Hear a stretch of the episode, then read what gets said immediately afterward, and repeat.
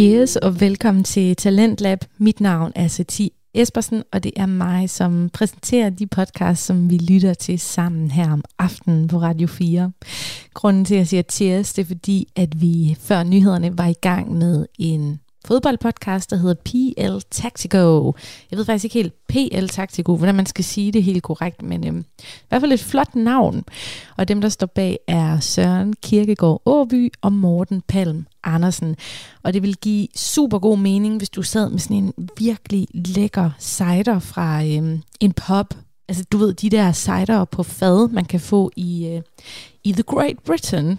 Fordi de er vilde med engelsk fodbold, de her to fyre. Så det er simpelthen det, de dykker fuldstændig ned i, nærmere betegnet Premier League. Vi er midt i samtalen, men du kan sagtens hoppe med, og hvis du vil have det fra begyndelsen, så skal du bare ind og abonnere på PL Taktiko. God fornøjelse med lytningen.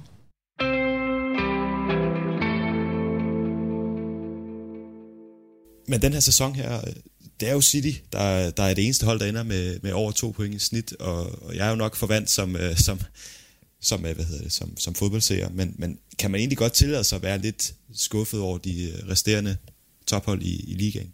Ja, det synes jeg. Og det synes jeg med rette, man kan sige. Øh, selvfølgelig, hvis man kigger på det, så vil United jo være tilfreds efter at slutte på en anden plads. Men igen, pointsnittet, øh, som du er inde på, er også, er også ikke godt nok. Altså, jo, nu skal jeg også være fast på, at man er for hård. Fordi når man slutter på andenpladsen, så kan man jo egentlig være bedøvende ligegyldigt, hvad pointsnit er. Øh, jeg tror også bare, at United anerkender at City er et bedre hold over 38 kampe. Det er ikke det. Men hvis vi kigger på det rent historisk, så var jeg jo også efter United i sidste sæson, hvor de blev øh, tredjepladsen i Premier League, og Chelsea blev nummer 4, hvor de slutter med begge to 66 point, hvor jeg siger, at der var Champions League-pladsen nok lidt billigt til selv, og det var igen et spørgsmål om, at Leicester nok snublede. Og det vil jeg også sige i år. Altså, måske United øh, fortjener jo helt sikkert andenpladsen, men efter dem, Liverpool og Chelsea, at den er også billig til salg med Liverpool på 69 point på tredjepladsen, og Chelsea slutter på fjerdepladsen med 67 point. Og der vil jeg igen sige, jamen, øh, Leicester slutter på 66 point på femtepladsen, West Ham slutter på øh, 65 på sjettepladsen. Og igen, hvis West Ham kan komme op og presse Liverpool og Chelsea om 4. og 5. plads, eller 3. og 4. pladsen, så er det simpelthen et spørgsmål om, at Chelsea og Liverpool ikke øh, har høstet nok point, i, i hvert fald i min optik. Øh, og det synes jeg også, det viser. Jeg tror også, nu har jeg ikke haft den historiske sammenhæng helt med, som jeg har haft øh, sidste år, hvor vi kiggede på det. Øh, men, men jeg mener, at hvis du går ind og kigger på det historisk, så er det meget billigt, at du kun at tredjepladsen kun hent, eller henter øh, i år 69 point, og sæsonen før 66 point. Det, det er ikke høje pointsnit. Øh, og det, det, det er jo igen et spørgsmål om, at bundniveauet er hævet i Premier League generelt, i hvert fald i midterfeltet, at der er flere gode hold. Men det er også et spørgsmål om, at, at de store hold, de har, de har snublet nogle steder, hvor de nok ikke burde.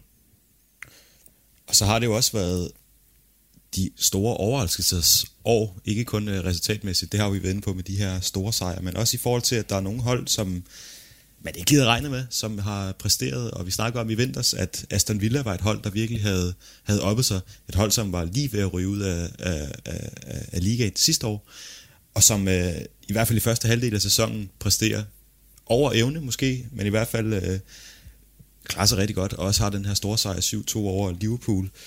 Sådan over hele sæsonen, hvad har egentlig overrasket dig mest positivt, kan vi måske starte med? Øh, jeg synes, at Aston Villa er et rigtig fint bud at komme med. Dem har jeg også øh, været at kigge på. De er jo 20 point bedre fra 1920-sæsonen til 2021-sæsonen. Øh, og gik fra 35 point til 55 point, og fra en 17. plads til en 11. plads. Det, det er også et tegn på, at de lavede nogle gode transfers. De hentede nogle rigtig gode spillere. Ollie Watkins, super indkøb. Ross Barkley, der blev lejet, var i perioder rigtig, rigtig vigtig for dem. Øh, Emiliano Martinez nede i målet, stod en fantastisk sæson igen. Øh, så, så de havde rigtig mange gode transfers, og var bare et godt hold. Men hvis jeg ellers skal kigge på nogen, jamen, så synes jeg West Ham, altså det må man altså også bare udpege. De ender på en europæisk plads og skal ud og spille europæisk fodbold. Det, det tror jeg ikke, man har set i sæsonen før. Vi har i mange år snakket om, at West Ham de havde truppen til mere. Øh, og det, det ligner lidt en rodebutik indimellem alle de træner, de også har haft igennem. Men David Moyes har fået sat skik på det også. Jeg har egentlig været en stor kritiker af David Moyes, men jeg bare sige, at han har gjort det fantastisk i år. Øh, og de, de, er jo, de var 26 point bedre, gik fra øh, 39 point til 65 point, og fra en 16. plads til en 6. plads. Det, det synes jeg er den største positive overraskelse i Premier League i år. Øh, så, så, så det er dem, jeg vil udpege i hvert fald, at, at de er så tæt på også at kunne spille, de er jo øh, næsten til sidst spillerunde med en top 4, og kunne også, hvis resultatet måske er flasket sig anderledes i de sidste par runder, der har været i Champions League. Øh, det tror jeg ikke, der er mange, der har set komme. Nej, og vi snakkede jo om, at, øh, at vi skulle have fundet vores forudsigelser frem fra før sæsonen, hvor vi snakkede om, hvem vi havde regnet med at skulle ja, vinde sæsonen, og sikkert også topscorer, og øh, hvem der skulle rykke ned. Og øh, West Ham var jo ved at rykke ned sidste år. Du siger, at de ender på den her 16. plads, og det er jo ikke øh, langt ned til, til en tur i championshipen. Og så laver de altså den her, øh, den her bedrift, og, og vi snakker om, at hvis der var nogen af os, der har siddet og sagt, jamen, jeg tror, at West Ham rykker ned, så skulle vi nok sidde vores øh, gamle hat lige nu, og det ville være lidt ærgerligt. Men jeg tror, du, øh, du fik nævnt to, der ramte, og så, og så Leeds, og jeg fik nævnt to, der ramte, og så sikkert Burnley, fordi at, det håber man jo hvert år. Men Sheffield United, kan vi lige så godt øh, komme til. De ender jo allersidst, og de øh, var rigtig lang tid om at få deres allerførste sejr, og ender altså kun med 23 point for 38 kamp. Hvor skuffet er du, hvis man kan sige det sådan? Kan man egentlig være tilladet sig at være, være skuffet over United, øh, Sheffield United? Eller hvad? Det synes jeg egentlig godt, man kan, men, men du, jeg synes, det er en fin måde, du formulerer det på egentlig, fordi det, det, nu så jeg tænkt over det, eller så jeg tænkt over det, at hvis man, jeg ved ikke, hvad der er den største overraskelse om, det var, at Sheffield United rykker op, at de bliver nummer 9, så vidt jeg husker. Ja, de bliver nummer 9 med, ja, de går jo fra at være 31 point dårligere fra øh, 1920-sæsonen til 2021-sæsonen, hvor de havde 54 point til 23 point, og går så fra 9. plads til sidste plads, 20. pladsen. Og der ved jeg simpelthen ikke, hvad den største overraskelse var, at de kom op på den måde, hvor mange havde sagt, puh, er den trup der. Der er rigtig mange League One-spillere og Championship-spillere, der er ikke rigtig mange, så mange, der har eller Premier League-erfaring.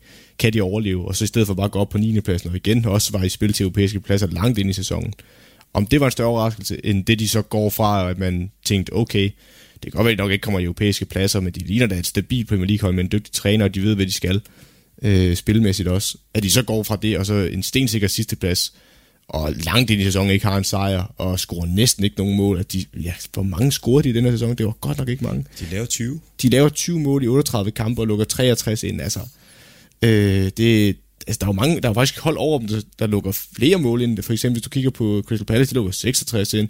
Southampton slutter, eller lukker 68 ind. Øh, West Brom, der ligger lige over dem, øh, lukker 76 ind. Men de scorer kun 20 mål. Altså, det er med afstand det laveste scorehold overhovedet i Premier League. Øh, og det er jo som David Rose Aston Villa, de laver nogle gode transfer, så kan man kigge den anden vej i Sheffield United.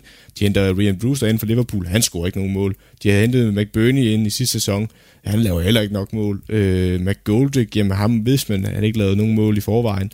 Øh, så de lavede heller ikke de gode transfer. Så blev de også ramt af øh, skader nede i midterforsvaret. Altså de mister øh, Egan i løbet af sæsonen, øh, så hvem er de, de mister en centerforsvar. Jeg har helt glemt, hvem det er. Fordi han var stort set ikke med i sæsonen. Han var i starten af sæsonen. Han er en af de bedste centerforsvar. Det er lidt pinligt, jeg glemmer ham. Øhm, Jamen, det, det, skal du ikke være pinligt berørt over. Jeg sidder også og Nej, nej, men, men han var i hvert fald enormt vigtig for deres centerforsvar, ikke? Øh, og, og der har de ikke bredt i truppen til at kunne erstatte ham. Det, det er selvfølgelig også forståeligt nok, øh, når man ikke har større budgetter. Men ja, man kan falde så langt på en sæson. Altså, man højt og flyve dybt og falder ikke det, man siger, og det, det er Sheffield United bare beviset på. Og der var langt ind i sæsonen, hvor jeg også sad og kiggede på resultater, hvor de kun tabte en eller to mål, og tænkte, okay, jamen hvis de nu får styr på forsvaret, eller de nu får hentet en angriber ind, eller der er lige pludselig en, der får tur i den, jamen så er der jo ikke langt til, at de kan overleve. Men, men det, sådan var det bare hele sæsonen for dem, og Chris Wilde, der vælger at gå midt i sæsonen øh, i overensstemmelse med klubben, og der bliver lidt konflikt også om, om han skal have sin løn øh, for kontraktperioden, og der, det var ikke så pæn en slutning på det egentlig. Øh, så ja, jeg synes, det der virker som et rigtig lovende projekt, lynhurtigt faldt sammen. Øh, og det, det menes jeg ikke at kunne huske, at, øh, at det skete så hurtigt. Øh, jeg tror, det bedste eksempel, jeg kunne komme i tanke om, når jeg tænker over, det var at have følge herhjemme, der vinder det danske mesterskab og rykker ned året efter. Det er næsten det eneste, jeg kan sammenligne det med.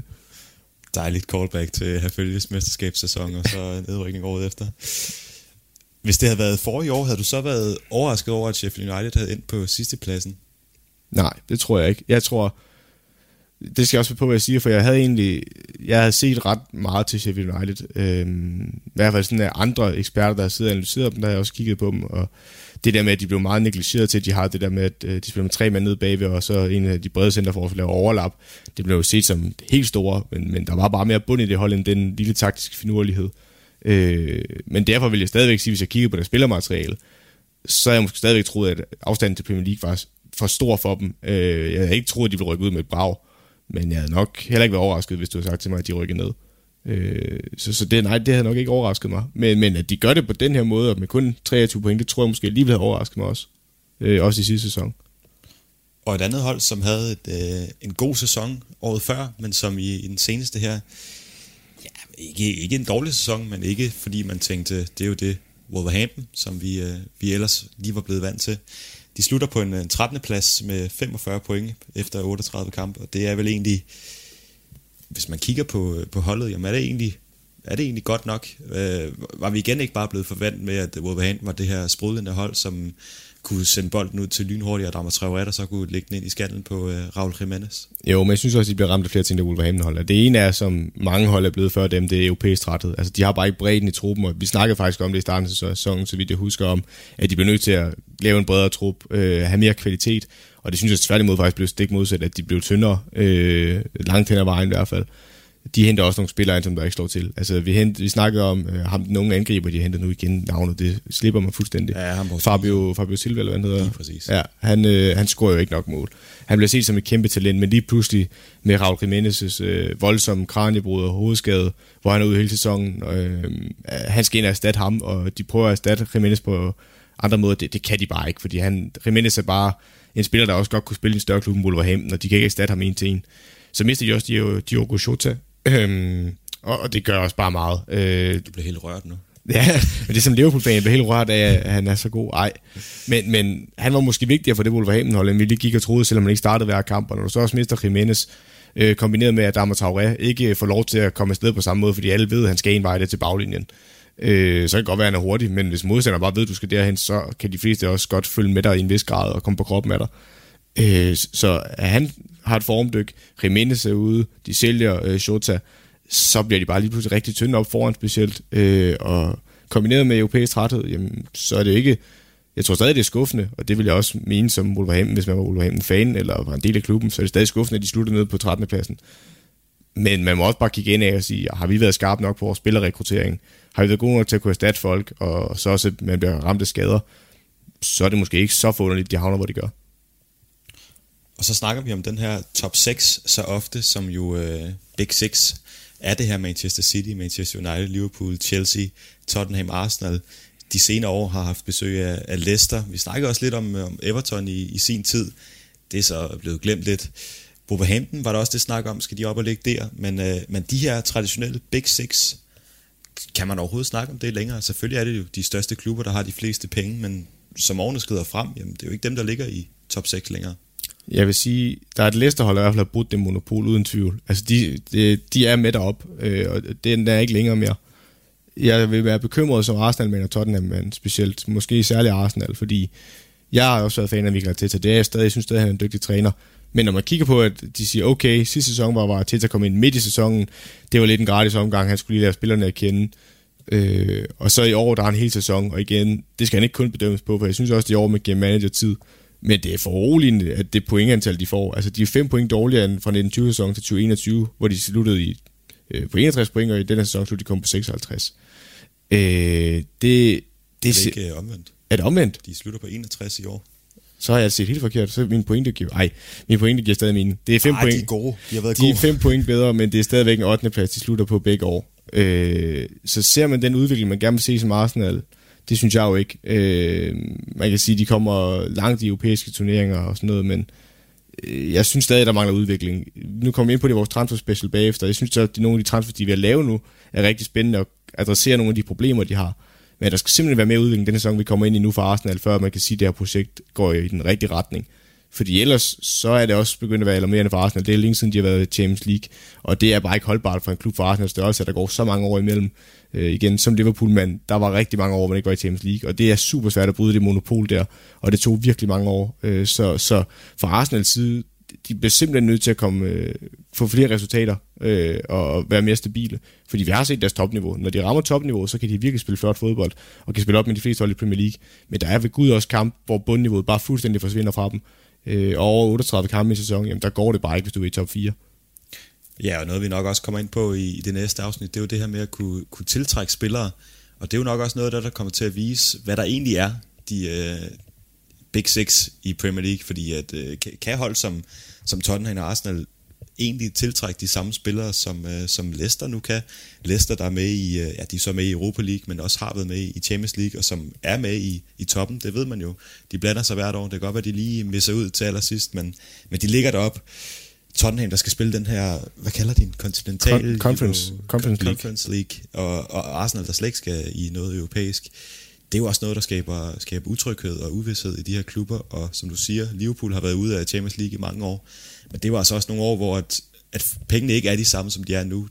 Er, er der ikke lidt en frygt, kan vi måske godt snakke om nu, for at, at det er de her år, man skal sidde med, og hvis ikke man er med nu, jamen så kan det blive svært at, at komme det. Jo, og specielt fordi, at øh, nu var vi også inde på, at de seneste to år, der har pointsnittet ikke været højt for at komme i top 4, og igen, det er et resultat af, at øh, ligaen er blevet mere konkurrencedygtig generelt over alle holdene. Men jeg vil stadigvæk sige, at det var en gyld mulighed for Arsenal de to sæsoner her. Især den her, hvor Arteta har haft en hel sæson. Øh, jeg ved godt, jeg vil stadigvæk kigge på Arsenals trup og retfærdiggøre det, at de fleste de holder slutter over dem. Der er der måske undtagelse af West Ham og Leicester, der synes jeg stadigvæk, og øh, det, det er nok de eneste hold, der ligger over dem, der har en, man kan argumentere for, at ikke har en bedre trup med Arsenal, og ja, Leicester har måske stadigvæk egentlig i bund og grund. Men det er det eneste, du overhovedet kan argumentere for, ellers så vil de andre trupper nok være bedre.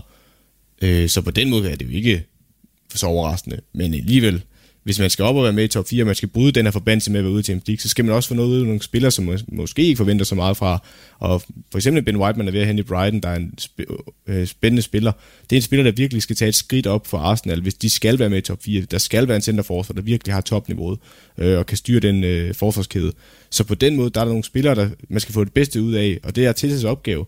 Fordi de kan ikke hente spillere fra Real Madrid, Bayern. Øh, det kan de bare ikke, de- kan bare ikke hente fra den øverste hylde med, og så må man være dygtig i sin scouting, og så udvikle spillere.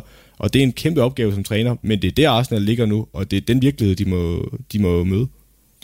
Og hvis vi skal fortsætte med at tage, tage udgangspunkt i Arsenal, hvad, hvad har så egentlig været deres største udfordring i år? Fordi at de ender jo på 8. pladsen, og det er jo ikke, altså det kan man jo ikke være tilfreds med, selvom man vinder de, de, de sidste fem kampe i, i sæsonen. Og der er noget, der tyder på, at øh, det, det jo egentlig går fremad i, øh, i, i den periode der. Man lukker anden færre mål ind i hele sæsonen. Det er kun City, der lukker færre mål ind. Man lukker kun 39 mål ind i 38 kampe. Til gengæld scorer man også kun 55 med et, øh, et hold, hvor man har jo offensive stjerner. Man har også øh, unge spillere. Måske er det øh, bagdelen. Hvad, hvad tænker du er det, som der har gjort, at Arsenal ikke har kunne præstere, som man, ja, jeg ved ikke om man forventer det længere, men som man håber i hvert fald øh, for de her tophold. Nu sidder Altså, jeg og laver kaniner, ja, ja, det kan lytterne ikke se. Nej, men, men ja, og jeg kan godt, jeg kan godt, vi kan jo være enige om, at vi sidder og kigger på sådan 39 mål i forhold til, at- de lukker anden færrest ind. Øh, ja, eller tredje færrest, nu kan se, Chelsea lukker 36 ind også, og City 32. Men, Den men, misser jeg lige. nej, nej, men, men pointen består stadigvæk, at de ikke er dem, der lukker flest mål ind, som man måske kan sige. Nogle af de andre over blandt de store klubber. Jeg vil stadigvæk mene, at deres centerforsvar har brug for forstærkning, og en Ben White er et rigtig godt køb på den konto. Øh, også i forhold til deres spillestil med at kunne bryde hold ned, fordi der er det også vigtigt i forhold til offensivt. Det starter hele vejen ned bagfra. Øh, men så tror jeg også, hvis man kigger på det, så har du en pointe i, at jamen, de har mange unge spillere. Øh, Saka slår igennem rigtigt i år, men igen, det er bare meget for langt også af en Emil Smith Rowe. Øh, de har Martin Ødegaard på leje. Det er lige pludselig rigtig mange unge spillere, der skal bære den her offensiv, og du kan bare ikke forvente, at de øh, uge, øh, u- og uge ind bare leverer på det samme niveau om og om igen. Det, især når det ikke er nogen, der er vant til at spille mange Premier League-kampe, og specielt Saka, jamen han har spillet meget venstreback i sin første sæson i Arsenal også. Lige pludselig så skal han være en af de bærende kræfter i en offensiv. Det er også meget for langt, og især når, når man så ser på Aubameyang, der ikke rammer sit niveau i år. Altså, han har jo flere kampe hvor han starter ude, hvor man, det var utænkeligt i hvert fald tidligere for Arsenal, at hvis han var klar, så startede han inden. Øh, så, så der har også været noget med, at man har famlet lidt efter, hvad den bedste startelver er. Øh, og, og hvem, hvem, hvem, øh, hvem hører til hvor, og hvor det, hvilket spillestil skal vi også bruge, eller hvilket system bruger vi. Øh, så, så der har været noget famlen op i offensiven, og der er så udfordring for Arsenal, som det har været for de klubber, der har stået uden for Champions League i nogle år. Kan man holde fast i en mand som Saka? Kan man holde fast i en mand som Emil Smith Rowe, som jeg ved, Aston Villa har budt på i den her sæson, øh, eller i det her transfervindue? Det er sådan nogle spillere, man skal holde fast i nu, fordi de er meget ustabile nu, men man bliver nødt til at holde fast i dem, fordi det er dem, der skal være ryggraden på det her hold fremadrettet. Og lige pludselig, hvis City kommer rammen, eller Liverpool, eller Chelsea, eller nogle andre, kommer, der spiller fast til League og smider penge efter dem, jamen kan man så stå imod og sige, nej, du bliver her, og spillerne er tilfredse med det. Det bliver rigtig svært, så man skal udvikle holdet sammen med spillerne, og så kunne holde fast i dem, men det er ved Gud en svær balancegang, og ja, ty- øh, måden, må, måden må være, at man begynder at få noget succes inden for de næste par år, med at hente nogle spillere ind, der virkelig løfter bundniveau, som en Ben White måske kan. Øh, måske hente en til en central midtbane, der også kan være en ryggrad på det her hold. Fordi hvis man kan det, så kan man begynde at tage skridt op mod top 4. Øh, men ellers så kan det her blive et uendeligt projekt, hvor man har unge spillere, man udvikler, og når de så begynder at ramme deres topniveau, så bliver de solgt til øh, rigere klubber, eller klubber, der ligger øh, fast i Champions League. Øh, det er den udfordring, Arsenal står med, og den er sindssygt svær at knække den nød det er en proces. Ja, men det må bare ikke blive en uendelig proces, for det har man ved Gud også set før. Den evige undskyldning. Trust the process. nu har vi brugt tid på Arsenal, så må vi nok også hellere bruge lidt, uh, lidt tid på Tottenham, inden vi går videre til uh, at snakke om de her uh, favoritøjeblikke, har jeg valgt at, at kalde det. Men det, uh, det kan jo være hvad som helst. Bare det, man har valgt at tage ved fra, fra sæsonen. Men uh, Tottenham, jeg ved ikke, hvor meget man kunne vurdere ud fra det her, som du siger, de startede med Mourinho. Du troede ikke rigtigt på det. Det gjorde uh, Tottenham så heller ikke, fordi de, øh, de, de fyrede ham, han gik. Der var noget... Han var ikke træner mere på et tidspunkt, i hvert fald efter Super League. Og så, øh, hvad der er sket, det ved vi ikke, men han er i hvert fald fortid i, i Tottenham. Så havde de Ryan Mason i øh, resten af sæsonen, hvor at, øh, ja, en syvende plads med 62 point for Tottenham, det må de jo være meget tilfreds med. øh, men, øh, men hvis vi skal snakke Tottenham, jamen så, øh, så er det et, et hold, der, der nu får en ny træner, nu nu Espirito Santo, der, der er kendt fra, fra Wolverhampton, en mand, vi kommer til at snakke om i øh, næste afsnit, helt sikkert.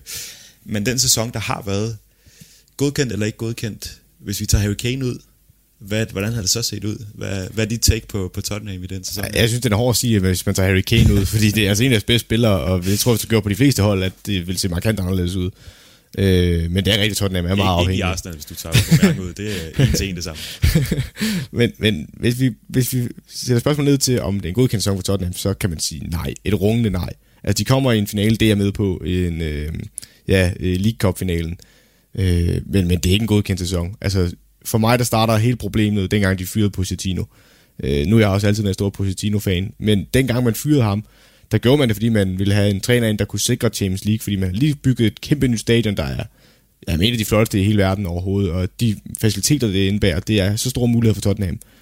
Øh, og så, så fyrer man Pochettino, fordi det er så vigtigt, at vi kommer i Champions League, øh, på grund af pengene og så videre med indtægterne. Og så lykkes det ikke med Mourinho, fordi meget kan du sige om Mourinho, men han tidligere i hvert fald har været mand, der har skabt resultater, og været meget pragmatisk, og været bedøvende ligeglad med, hvordan folk de bedømte hans spillestil eller ej, men han har skabt resultaterne og skabt trofæerne. Det er så ved at være nogle år siden, synes jeg også, man roligt kan sige. Øh, og det er det, Tottenham betaler prisen for nu. De prøvede med en kortsigtet investering i en træner, der skulle sikre dem kortsigtet succes, fordi de skulle bruge de indtægter. Og nu lykkes det ikke, og så i stedet forstår man med et projekt, som er kuldsejlet. Altså, det er stadigvæk nogle spændende spillere. Du har en Harry Kane, du har en Son, øh, en Pierre Højbjerg, der har virkelig løftet sit niveau i den her sæson, og var en af deres bedste spillere.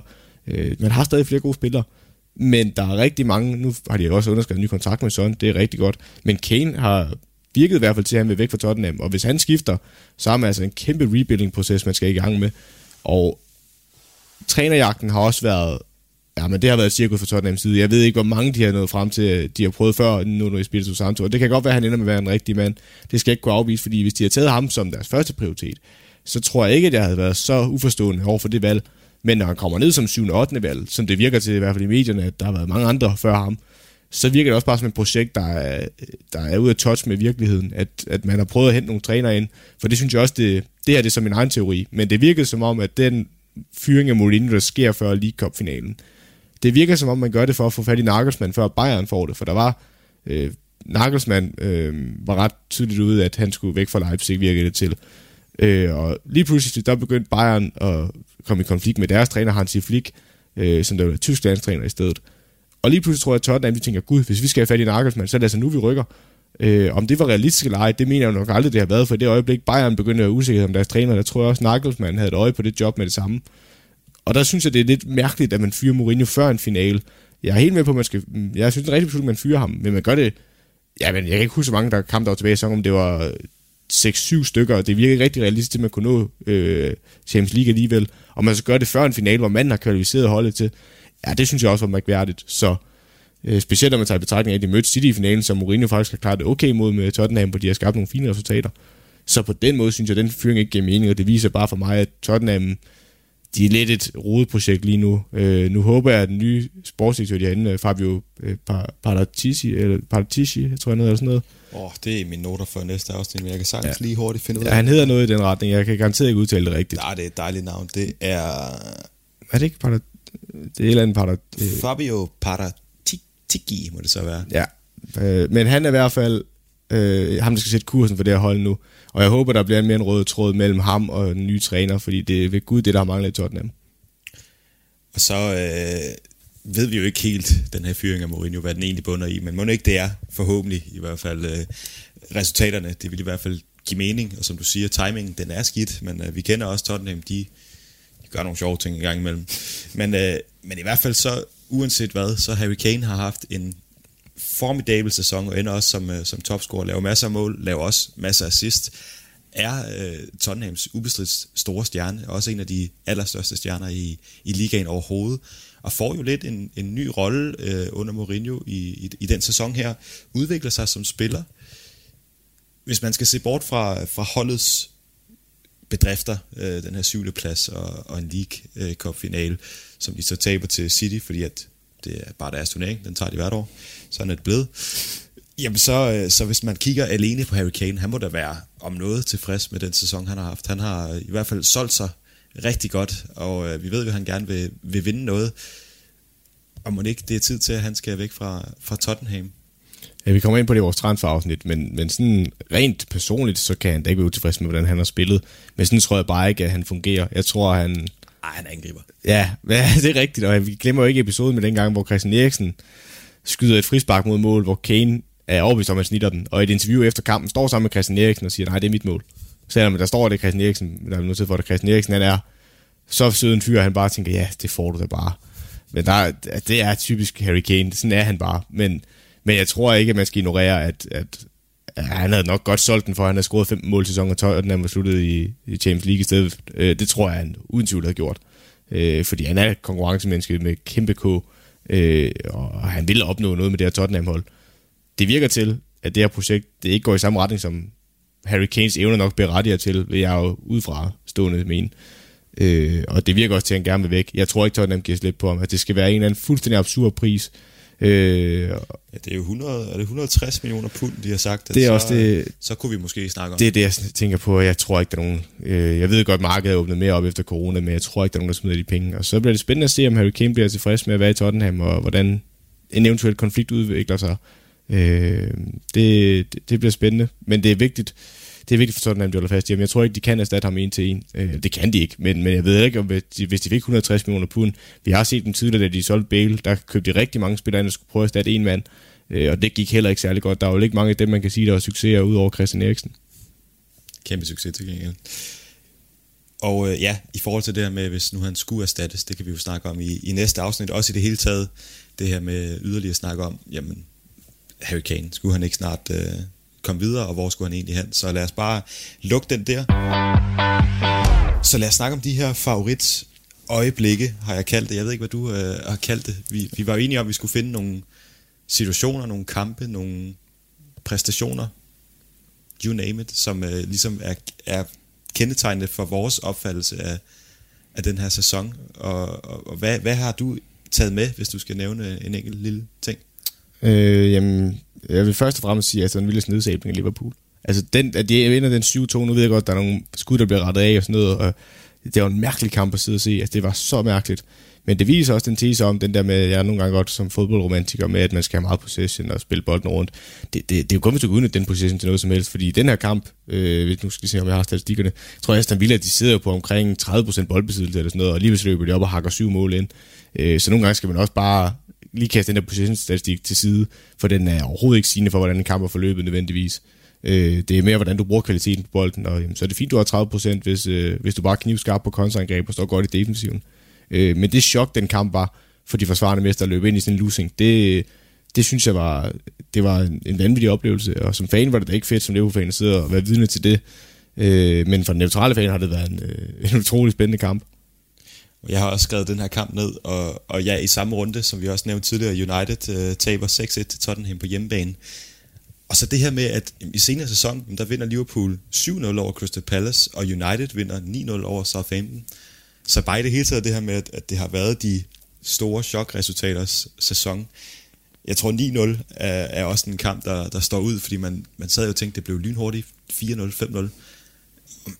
Altså det var sådan lidt, lad nu være, han, han er død. Ja, altså, det er ikke til nogen, der ligger nede. Nej. Men det var også, hvad pokker var det nu, han hed ham Southampton-spilleren? Der var en Southampton-spiller, det var enten hans første kamp. Ja, det var hans første kamp. Jeg, første jeg kamp, huske, ja, en midtbanespiller eller sådan noget, der lige det, går ind og trækker. Det er nok meget godt, at man har glemt det, fordi at, ja, at det var, han, han, han, han trækker direkte rødt kort efter 10 minutter eller sådan noget ja. øh, på Old Trafford. Der var det altså lang vej hjem for Southampton-hold, der i forvejen så vakkelvognet ud i den kamp. Ja. Og de har været et Southampton-hold, der i tidligere år også har haft lidt en, ikke en tendens, men de har i hvert fald oplevet før at få en snitter eller to af lister. øh, så at de oplever det her en gang til, det har også været vanvittigt, men ja, United vinder den kamp, det er 9-0, og igen, jeg vil give dig helt ret, det, det var, de andre sæsoner har der været et af sådan nogle resultater måske, denne sæson synes jeg, der var flere af dem, og øh, ja, det var, det var meget mærkeligt at opleve. Og desværre også i, i kølvandet på det, du nævner, det røde kort her, så har det jo også været det her med, med racisme på sociale medier, og det her med, at man bare har kunne, øh, kunne skrive til spillerne, og man føler, man har haft øh, lov til at skrive også racistiske ting, og ja, verbale overfald. Verbale, jeg ved ikke, om man kan kalde det, når det er skriftligt. Men du forstår, hvad jeg mener, ja. og det gør lytterne forhåbentlig også. Og det er jo også set så sent som i, i EM-finalen, hvor at øh, tre unge englænder med mørk hud brænder øh, straffespark, og så bliver de bare med det samme øh, sablet ned på øh, sociale medier. Ikke over, hvordan de har sparket, men over deres hudfarve. Og det er jo en ting, som man desværre også må tage med for, for den her sæson, hvor vi også har holdt fast i at, at skulle knæle for, for racismen. Ja. Eller knæle ja, for, ja, for, for ligestilling. Ja, og, imod, ja. Ja, men... men Lytterne forstår, hvad du forstår. men jeg vil sige, hvis jeg... Ja, det har været et kæmpe problem, og jeg synes, det er fedt, det bliver sat med... Altså, jeg synes ikke, det er fedt, at der, det skal opleves så slem en grad, som de har spillet, men jeg synes, det er fedt, det begynder at blive talesat, og det bliver, at der bliver sagt fra over for det. Og, men altså tydeligt sådan en retorik om, at det skal vi bare ikke finde os i. Jeg synes også, at man, man må kigge på det engelske samfund, for nu har jeg også lyttet til flere engelske podcast, og der er ved Gud et problem i den engelske befolkning, øh, uden at skulle generalisere for meget, men det er et problem, i hvert fald i fankulturen specielt, i England, at, øh, at der er nogen, der forfalder til, at hvis det går dårligt for deres spillere, og det er en med mørk ud, jamen så er det racismen, vi går efter. Og altså, mange spillere, alle spillere af alle forskellige hudfarver, oplever at blive svinet til sociale medier for deres fodboldevner. Det er heller ikke i orden. Altså, man kan gøre det på en konstruktiv måde. Det er i orden, du er utilfreds med ham på banen, men lad være med at gå efter manden og gøre det personligt og kontakte ham. Altså, det, det er bare ikke okay, for det er også mennesker. Men især når det går over og bliver noget omkring race eller øh, andre øh, i, den, i den retning, det, det er så usmageligt og forkasteligt, og det, det, det bør bare ikke finde sted.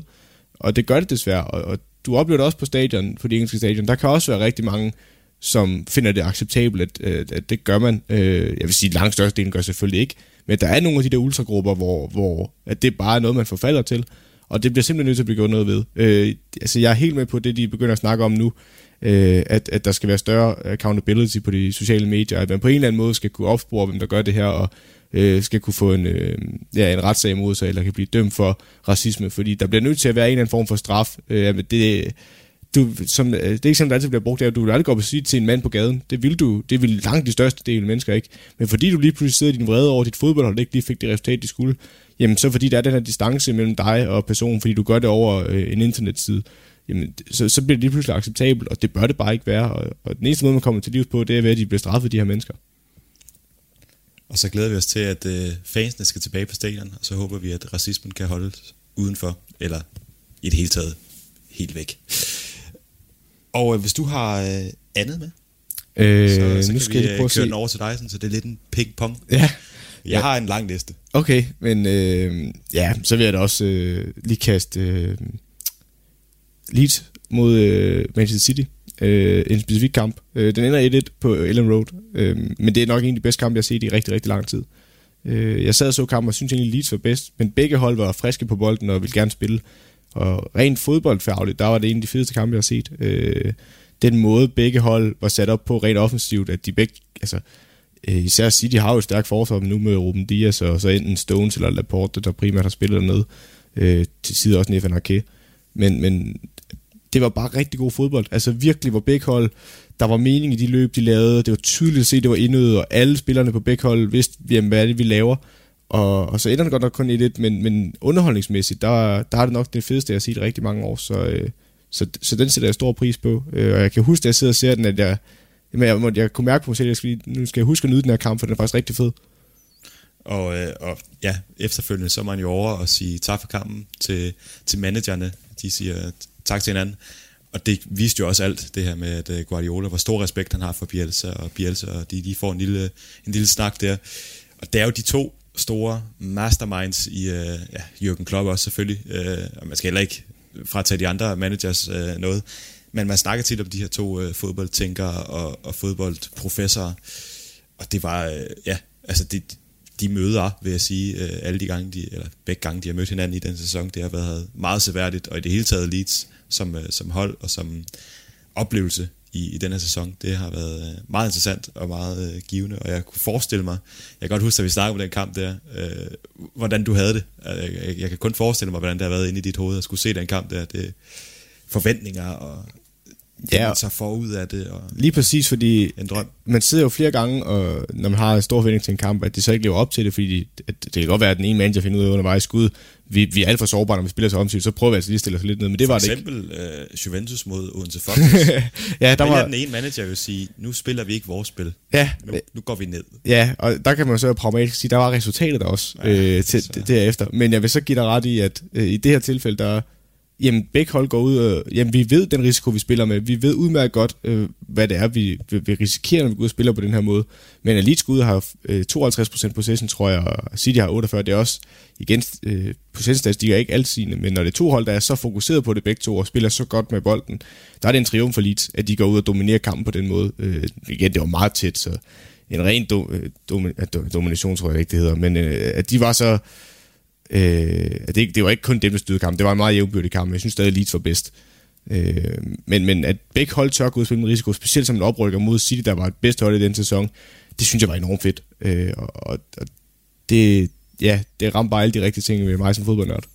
Og den havde jeg faktisk ikke uh, taget med. Jeg havde ikke uh, skænket den en tanke overhovedet, men det giver jo så god mening, at det, er- at det er en kamp, som du husker, fordi du er så ja, taktisk uh, interesseret, og det er en kamp, hvor at, den havde det hele for, uh, for jer kæmpe nørder. Ja, ja, og det, det kan andre kampe også have, hvor der er et hold, der står defensivt. Der er nogle andre ting, man kigger på.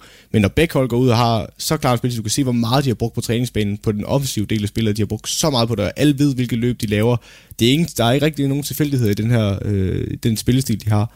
Så, jamen det, ja, det, den, den kunne jeg snakke længere om.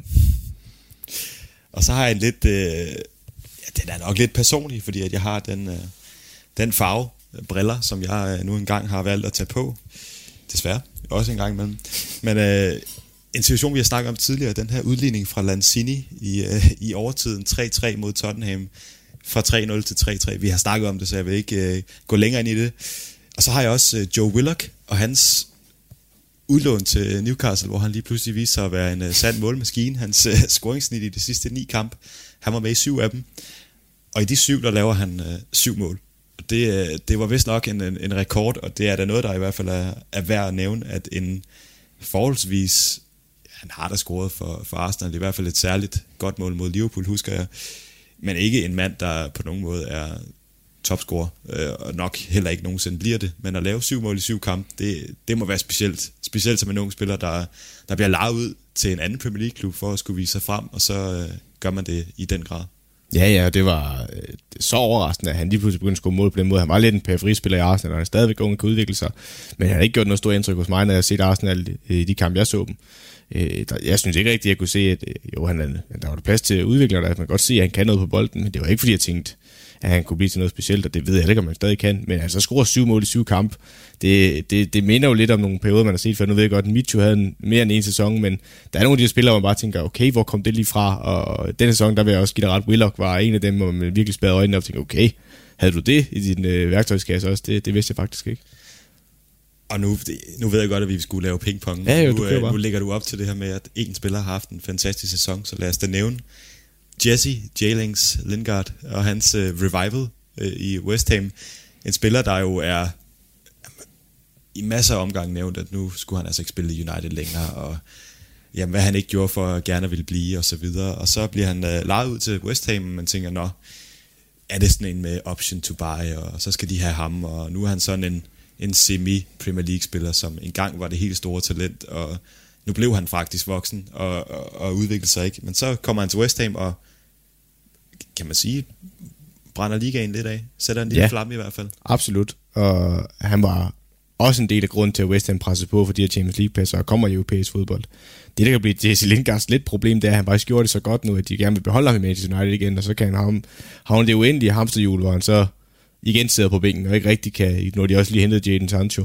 Øh, det kan være, at han igen havner som en eller anden bænkspiller, der ikke får nok spilletid, og det synes jeg er super ærgerligt, fordi han viste os både under VM i 2018, og så, øh, og så også her i den nuværende Premier League, eller den seneste Premier League-sæson, hvad han egentlig kan rent offensivt, og hvis han får lov til at få en lidt mere fri rolle, og holdet øh, laver løb om ham, og han er lidt mere en, en vigtig spiller, og ikke bare en indskiftningsspiller, der skal ud og spille en kant de sidste 30 minutter, hvad han egentlig kan indeholde. Øh, så på den måde synes jeg, det er super ærgerligt, hvis han havner på bænken igen i United, og kunne godt ønske for ham også, at øh, for lidt egoistisk vinkel, at, at han kom ud i en anden klub, for eksempel var blevet i West Ham eller noget den dur, fordi ja, han var virkelig, virkelig spændende at se på i den sidste halvdel af sæsonen. Og det var jo også øh, en overraskelse, fordi et Jesse Lindgaard, jo, en dygtig spiller, du siger også det her med VM 2018, der var han virkelig god.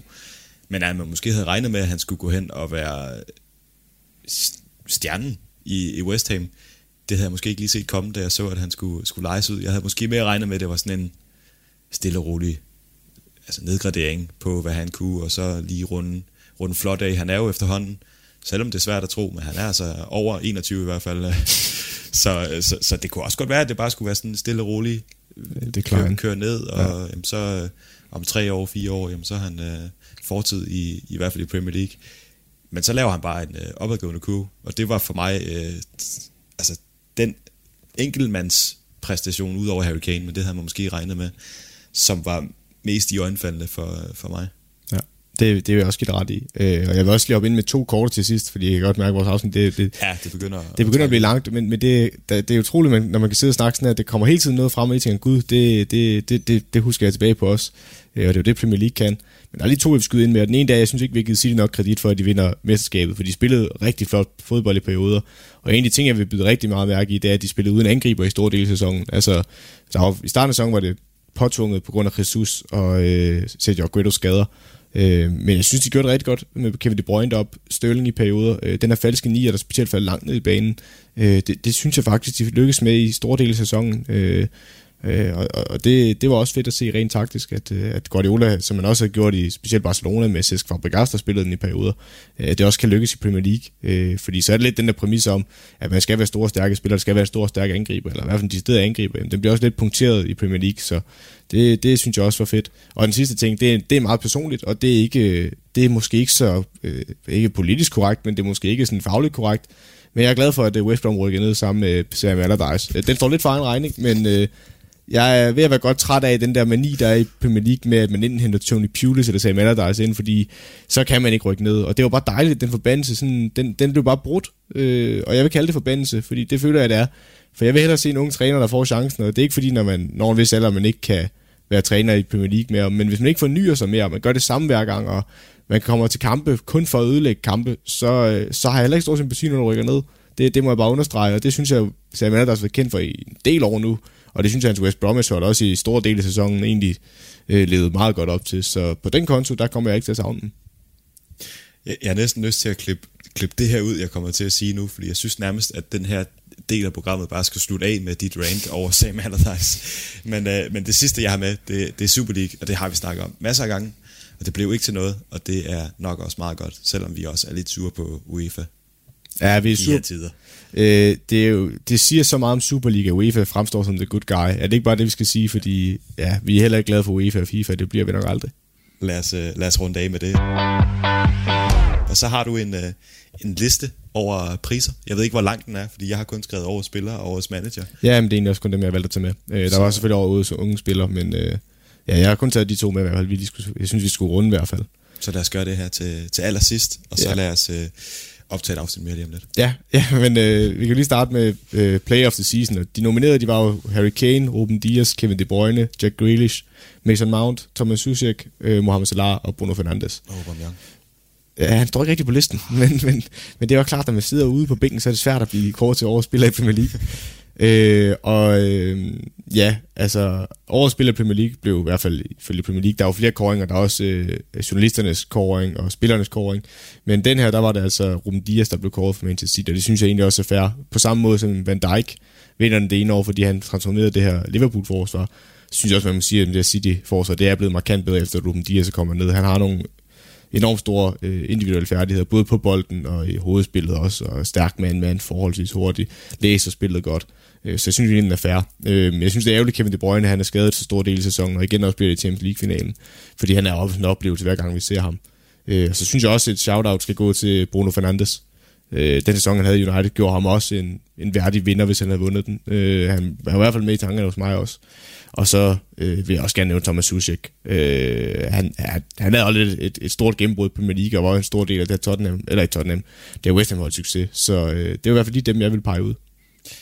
Jamen, jeg har også øh, skrevet, at Ruben Dias fortjent vinder. Han gør John Stones god igen. Øh, sørger for, at ikke ene alene, men han er med i et, øh, et forsvar, som gør, at, at der kun bliver lukket 32 mål ind i 38 kampe. Det, det er jo vanvittigt tal på en eller anden måde. Og så har han jo, som du siger, som ligesom Van Dijk gjorde, jamen, transformeret det her forsvar, gjort det til et, et stålfast, stensikkert, uafbrydeligt forsvar. Og det, det må man bare give ham kredit for. En ung spiller også, kommer ja. ind og, og er forholdsvis uprøvet. Han har spillet i den uh, portugisiske liga, kommer til Premier League, kæmpe liga, og så brænder han den bare af. Er bare den bedste forsvarsspiller i, uh, i hele ligaen. Og så vil jeg bare lige nævne Harry Kane. Han, ja. er, han er nok min runner-up med de her 23 mål og 14 assist og en spiller, som i den grad har, har båret Tottenham. Vi snakkede lidt om, at vi har, vi har haft noget på vores skulder, men hans skulder, de må være godt brugt efter den her sæson. Ja, han må være lidt ondt i ryggen af at slippe rundt på det Tottenham-hold øh, sammen med Son, men jeg vil også give dig ret, fordi det var faktisk lidt overset fra min side. Øh, hvis det ikke skulle være Ruben Dias, så vil jeg nok give dig ret, det burde være Harry Kane. Øh, han er så instrumental for det her Tottenham-hold, og det der nok kommer til at tale lidt ham imod, det er, at Tottenham slutter så dårligt, som de gør, men det synes jeg egentlig ikke er helt fair over for, Harry Kane og den individuelle præstation, han var i den her sæson. Og så hvis jeg lige skal rundt af til sidst, så kan jeg godt forstå, at øh, Benficas træner, han var øh, jævnt utilfreds med, at øh, han mister Ruben Dias, så får han Nicolas Otamendi ind som erstatning, øh, hvor han svarer øh, til, hvordan det var for ham, han vil, eller hvordan det var for Otamendi ind, hvor han så svarer, jeg vil hellere bold øh, Ruben Dias. og det lød ret hårdt dengang, men man kan godt forstå manden nu, specielt når man sidder og siger det nu. Så, så ja, det var bare det sidste, jeg lige ville fyre ind, men, men, men jeg kan godt forstå, at han fred. Det er heller ikke fair for... Jeg godt have beholdt ham. Det er heller ikke fair for Niklas at Tamendi at skulle øh, sammenlignes med ham, øh, Ej, med Ruben Dias. Nej. Den er hård. Den er rigtig hård. Ja. Var det årets manager, du så havde med? Ja, det var det. Øh, og der var de nomineret. Det var øh, Marcelo Bielsa, David Moyes, Brendan Rodgers, Ole Gunnar Solskjaer og Pep Guardiola. Øh, og jeg vil jo sige, den her pris er jo mere og mere blevet den, der vinder Premier League, ja. der vinder den også. Jeg synes ikke, man kan sige, at Guardiola det er ufortjent, fordi gjorde det godt, sige, de blev mestre, kommer i Champions League-finalen. Nu ved jeg godt, det ikke er afgørende for den her pris, men jeg kan godt forstå, hvorfor han blev kåret. Hvis jeg skulle have kåret en manager, så var det ikke ham, jeg havde kåret. Jeg havde kåret David Moyes. Ole Gunners. Nå. Nå, ja, men, men, ja, for det var flot, de fik andenpladsen. Men hvis jeg skulle pege på nogen, så havde det været David Moyes. Altså, jeg synes, den øh, transformation, der sker med det her West Ham-hold, fra at være et hold, der lige redder sig i Premier League, til at skulle være et hold, der er snublende tæt på at skulle i Champions League, og i stedet for skal i Europa League, så vidt jeg husker. Jeg kan ikke huske, om det er Conference League eller Europa League. Jeg mener, det er Europa League. Det er Europa League. Øh, ja det synes jeg er så enormt flot. Øh, og det synes, jeg, det synes jeg burde belønnes med en års manager. Og jeg har igen været stor kritiker af David Moyes. Jeg må bare tage hatten af for det arbejde, han har været i West Ham, og så synes jeg egentlig, han burde vinde. Det er også en mand, der fortjener ros efter det øh, blakket ry, han fik i sin øh, United-tid. Og Real Sociedad-tid. Ja, også. Den har vi jo alle sammen glemt. Men ja, helt sikkert. Øh, måske også værd at nævne Bielsa. En oprykker, der, der i den grad holder fast i, hvad han, øh, hvad han tror på har spillere, der måske ikke er, er de største stjerner, men alligevel formår at, at lave et flot resultat. Jeg ved godt, det ikke er helt deroppe, hvor man siger, at, øh, at ja, Europa League-plads for eksempel, og ja, vinde Champions League, øh, nej ikke vinde øh, Premier League og komme i Champions League-finalen. Men trods alt med, med det materiale, og, og også med den historik, der vil man han jo gerne, at han, øh, og der skal du begynde at passe på, for du begynder at være fartroen tæt på at komme ind på et emne, jeg kunne bruge øh, flere timer på at snakke om. øh, fordi den måde Bielsa har udviklet nogle af de her spillere på, øh, den måde Calvin Phillips, der, da han kom til Leeds, var ikke en stor spiller, og var lidt i tvivl om, han overhovedet skulle øh, klare sig på det niveau overhovedet i championshipen. Og lige pludselig gå ind og være en rigtig vigtig spiller på det engelske landshold også. Og den udvikling, han har været under Bielsa, blev den her faste sekser, helt vildt imponerende. Også en Bamford, der kom og har fået noget hak i tuden for en ung Chelsea-spiller, der troede, han skulle være en stor mand i Palace, den blev lejet ud, og ender med at sidde rigtig meget på bænken. og også begyndt, nu har jeg hørt ham i en podcast snakke om, han tvivler også lidt på, efter den oplevelse, hvor han hørte til hende. Og så kommer han også til lige til, godt nok over Nottingham Forest først. Øh, men han har også scoret så mange mål i Premier League og sådan noget, og den måde, han roser Bielsa på, øh, den måde, de træner på, det, ja, jeg kunne blive ved med at snakke øh, positivt om Bielsa, men, men jeg, jeg er helt enig i, at han også skal nævne i den her forbindelse. Og så lad os, øh, lad os ikke åbne den mere op. Jeg havde ellers lige en lille pointe, men øh, den må altså forblive inde i mit eget hoved. Fordi vi skal til at runde af, og, øh, og vi havde også snakket om, at vi skulle følge op på vores forudsigelser, men vi må bare sige, at vi havde, vi havde sgu nok ret. Ja. Vi sagde i hvert fald, at, at City ville vinde, og det gjorde de jo. Ja, og vi havde ret med to af nedrykkerne. At jeg så rammer Leeds til at rykke ned, øh, og jeg kan huske, at jeg forsvarede det med, at jeg følte, at øh, de kunne godt blive lidt ligesom Norwich, at de kunne være for naive og sådan noget, men det har de gjort fuldstændig til skamme. Men ellers synes jeg, klap på skulderen, for vi rammer de andre. Det, der, der er alligevel lidt bund i os. Det er der altså. Vi er ikke helt dumme. Vi Nej. sidder her ikke uh, bare for at at, at snakke. Altså, vi, der, der er Der er også et substans indimellem. i hvert fald i dig. Jeg har meget for at snakke. Men, øh, men lad os runde det her af, og så øh, hvis man har lyttet med indtil nu, så kan vi da lige komme med en, øh, en lille historie på, hvorfor vi sidder her en søndag, og ikke for eksempel en torsdag, som vi først har aftalt, eller en, bare en fredag. Fordi jeg skulle jo vaccineres i, i torsdags. Og, øh, Du skulle have din chip. jeg skulle, jeg skulle ud og have 5G i, i armene, og jeg, øh, jeg havde været derude med min kæreste og se hende blive vaccineret, fordi hun er ræd for nåle. Så jeg stod og holdt i hånden og, og var den store fyr og tænkte, Ja, god. hold nu op. En ordentlig fyr. Det er en vaccine, man. Ja. Det er en vaccine. Og hun sagde, "Hva- var det det? For hun kunne ikke mærke noget. Og jeg tænkte, nå, super, det er jo endnu bedre, fordi jeg havde lige regnet med, at det skulle nive lidt. Jeg har jo fået 12 årsdækket og grædt. Og så, så jeg var egentlig ikke nervøs, indtil jeg vågner øh, torsdag morgen, og sådan, jeg når, ikke, jeg når at spise, jeg når ikke rigtig lige at drikke nok, og får i hvert fald ikke min kaffe, og cykler derud, har lidt en underlig følelse i kroppen, sådan lidt, ah, er det egentlig godt nok? Og jeg har jo spist, og det er jo det vigtigste, og, og jeg får så mit stik, og det, det gør ondt. At, at, eller ja, ikke ondt, men det er jo ikke rart. Det er jo ikke noget, du tænker, det vil jeg gerne prøve igen. uh, og så, uh, så, så går jeg ud og tager en saft, fordi at nu skal jeg altså have noget, noget sukker i den krop, og tager faktisk også en vand, så jeg lige har en at være der. Uh, og så sætter jeg mig, og så bliver jeg bare uh, helt dårlig. Altså begynder at svede, og, og, og får det koldt også samtidig. Det koldsved, det er den værste af dem alle sammen. Og sidder med min telefon og spiller Score Hero, øh, og, og gennemfører faktisk banen. Men jeg kan simpelthen ikke... Imponerende. Det, det kan jeg ikke. Så jeg er nødt til at lægge den i lommen, og så sådan lidt og... Åh, skal man egentlig have det sådan her? Og får det rigtig, rigtig skidt faktisk, og tænker, hvad fanden gør jeg? Jeg har heller ikke lyst til at være ham, der bare... sidder- Fordi der sidder jo mange, der er jo ikke ja. Ja. nogen, der får det dårligt. Altså, der er jo ikke nogen, der sidder og siger, jeg skal faktisk lige... Men det gør jeg. Øh, så, så jeg hiver fat i, øh, i øh, den skønne sygeplejerske, eller hvad hun er, der sidder og holder øje, for ligesom vifte en hen. Og hun siger, hvad, hvad er der? Jeg siger, har, har I sted, man kan ligge ned? Nå, jamen det havde de. Og så kommer hun med en, øh, en kørestol. og jeg siger til hende, jeg, altså, jeg tror godt, jeg kan gå. Hvor langt er der? Og, sådan noget. og så siger hun, nej, bare sæt dig op. Det, det gør vi med alle. Og det gør de jo ikke, for der er jo ikke nogen, der det dårligt. Altså. øh, og, så, og så bliver jeg kørt ind i et, øh, et rum ved siden af, hvor der er tre senge, og den ene den er tom, og det er den anden også, og der skal jeg ligge. Og så ligger der en 12-årig pige, og som også har det dårligt. så, øh, Så du var i godt selskab. jeg var i et godt selskab, og jeg havde en aftale med dig et par timer efter, ja. Ja. så måtte jeg sige, Søren, jeg, jeg, jeg, kan, jeg kan ikke tåle det der moderne der. Så, Men der vil jeg jo gerne understrege, at øh, der var jeg jo også meget hård ved dig. Jeg følte, det var lidt en drama queen, du var ude i. Lidt hokus pokus, så skulle Morten lige være i fokus.